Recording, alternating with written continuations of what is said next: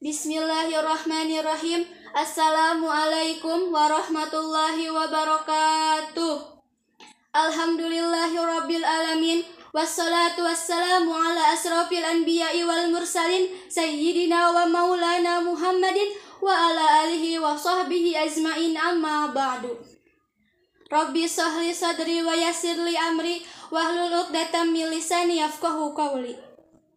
Sebelum menyampaikan ceramah ini, izinkanlah saya untuk memperkenalkan diri karena ada pepatah mengatakan tak kenal maka tak sayang, tak sayang maka tak cinta. Perkenalkanlah nama saya Dira Sri Rahayu.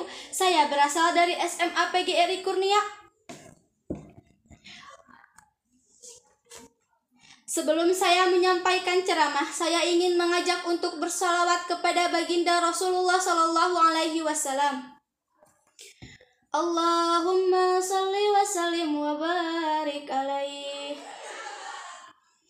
Ya Rasulullah, Ya Habiballah, Ya Rasulullah, Ya Habiballah, Muhammad ibni Abdillah Muhammad ibni Abdillah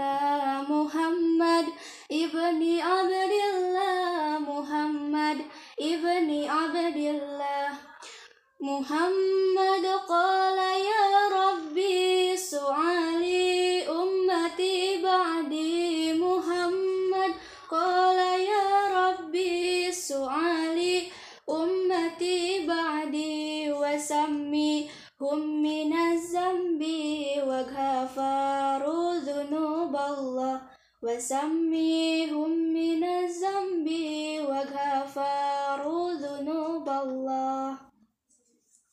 Hadirin rahimakumullah Pertama-tama marilah kita panjatkan puji dan syukur kehadirat Allah subhanahu wa ta'ala yang telah memberikan kita nikmat dari nikmat yang paling kecil sampai nikmat yang paling besar, yaitu nikmat iman dan nikmat Islam. Salawat serta salam semoga tetap tercurah limpahkan kepada junjungan kita, yakni Habibana wa Nabiyana Muhammad Sallallahu Alaihi Wasallam.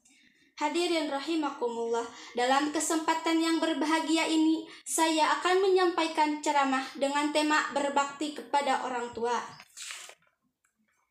Teman-teman, bila kita tengok ke belakang, betapa besar sekali jasa ibu kita, mulai dari mengandung selama 9 bulan, melahirkan serta menyusui. Dan tentu saja itu tidak bisa dibalas dengan harta apa pun yang kita miliki. Seorang ayah juga sangat berjasa dengan telah memberi kita nafkah dengan hasil cucuran keringatnya.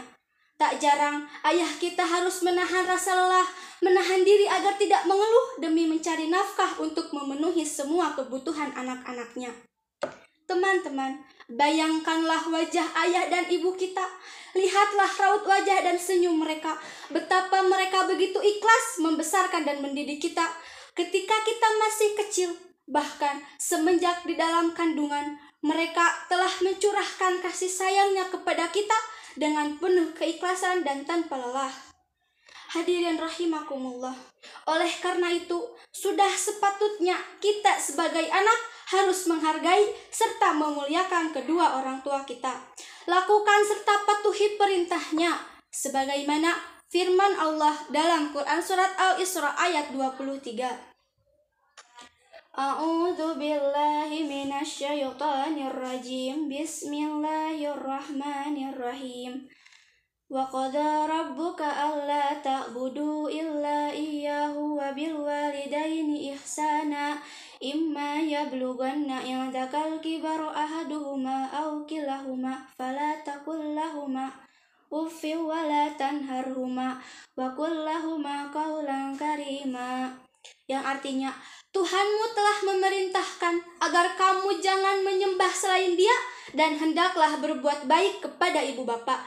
Jika salah seorang di antara keduanya atau kedua-duanya sampai berusia lanjut dalam pemeliharaanmu, maka sekali-kali janganlah engkau mengatakan kepada keduanya perkataan ah dan janganlah engkau membentak keduanya, serta ucapkanlah kepada keduanya perkataan yang baik. Selain itu, Cara berbakti yang paling mudah adalah dengan selalu mendoakan orang tua kita. Doakan mereka selalu setiap saat dan juga setiap waktu kesempatan yang ada. Dengan selalu mendoakan orang tua, mudah-mudahan kita masuk sebagai anak yang berbakti. Mulai sekarang, tidak ada lagi alasan untuk tidak berbakti kepada ibu dan bapak di rumah. Jadilah anak yang berbakti dan menyenangkan hati orang tua sepenuhnya. Bisa ditarik kesimpulan, bahwa wajib hukumnya bagi kita untuk berbuat baik dan berbakti kepada orang tua kita. Jaga dan muliakanlah mereka, jangan sakiti hati dan perasaannya, karena ridho Allah terletak dalam ridho orang tua dan murka Allah terletak dalam murka orang tua. Sebagaimana sabda Rasulullah Shallallahu Alaihi Wasallam, ridho Allahi fi ridho walidain, wasuktullahi fi suktul walidain. Hadirin rahimakumullah, demikianlah ceramah yang bisa saya sampaikan. Mudah-mudahan ada manfaatnya bagi kita semua. Jika ada kebenaran itu semata-mata dari Allah Subhanahu wa taala dan jika ada kesalahan itu semata-mata berasal dari kesalahan saya sebagai seorang hamba. Jika ada sumur di ladang boleh kita numpang mandi, kalau ada umur panjang boleh kita berjumpa lagi. Burung irian, burung cenderawasih cukup sekian dan terima kasih wabillahi taufiq wal hidayah. Wassalamualaikum warahmatullahi wabarakatuh.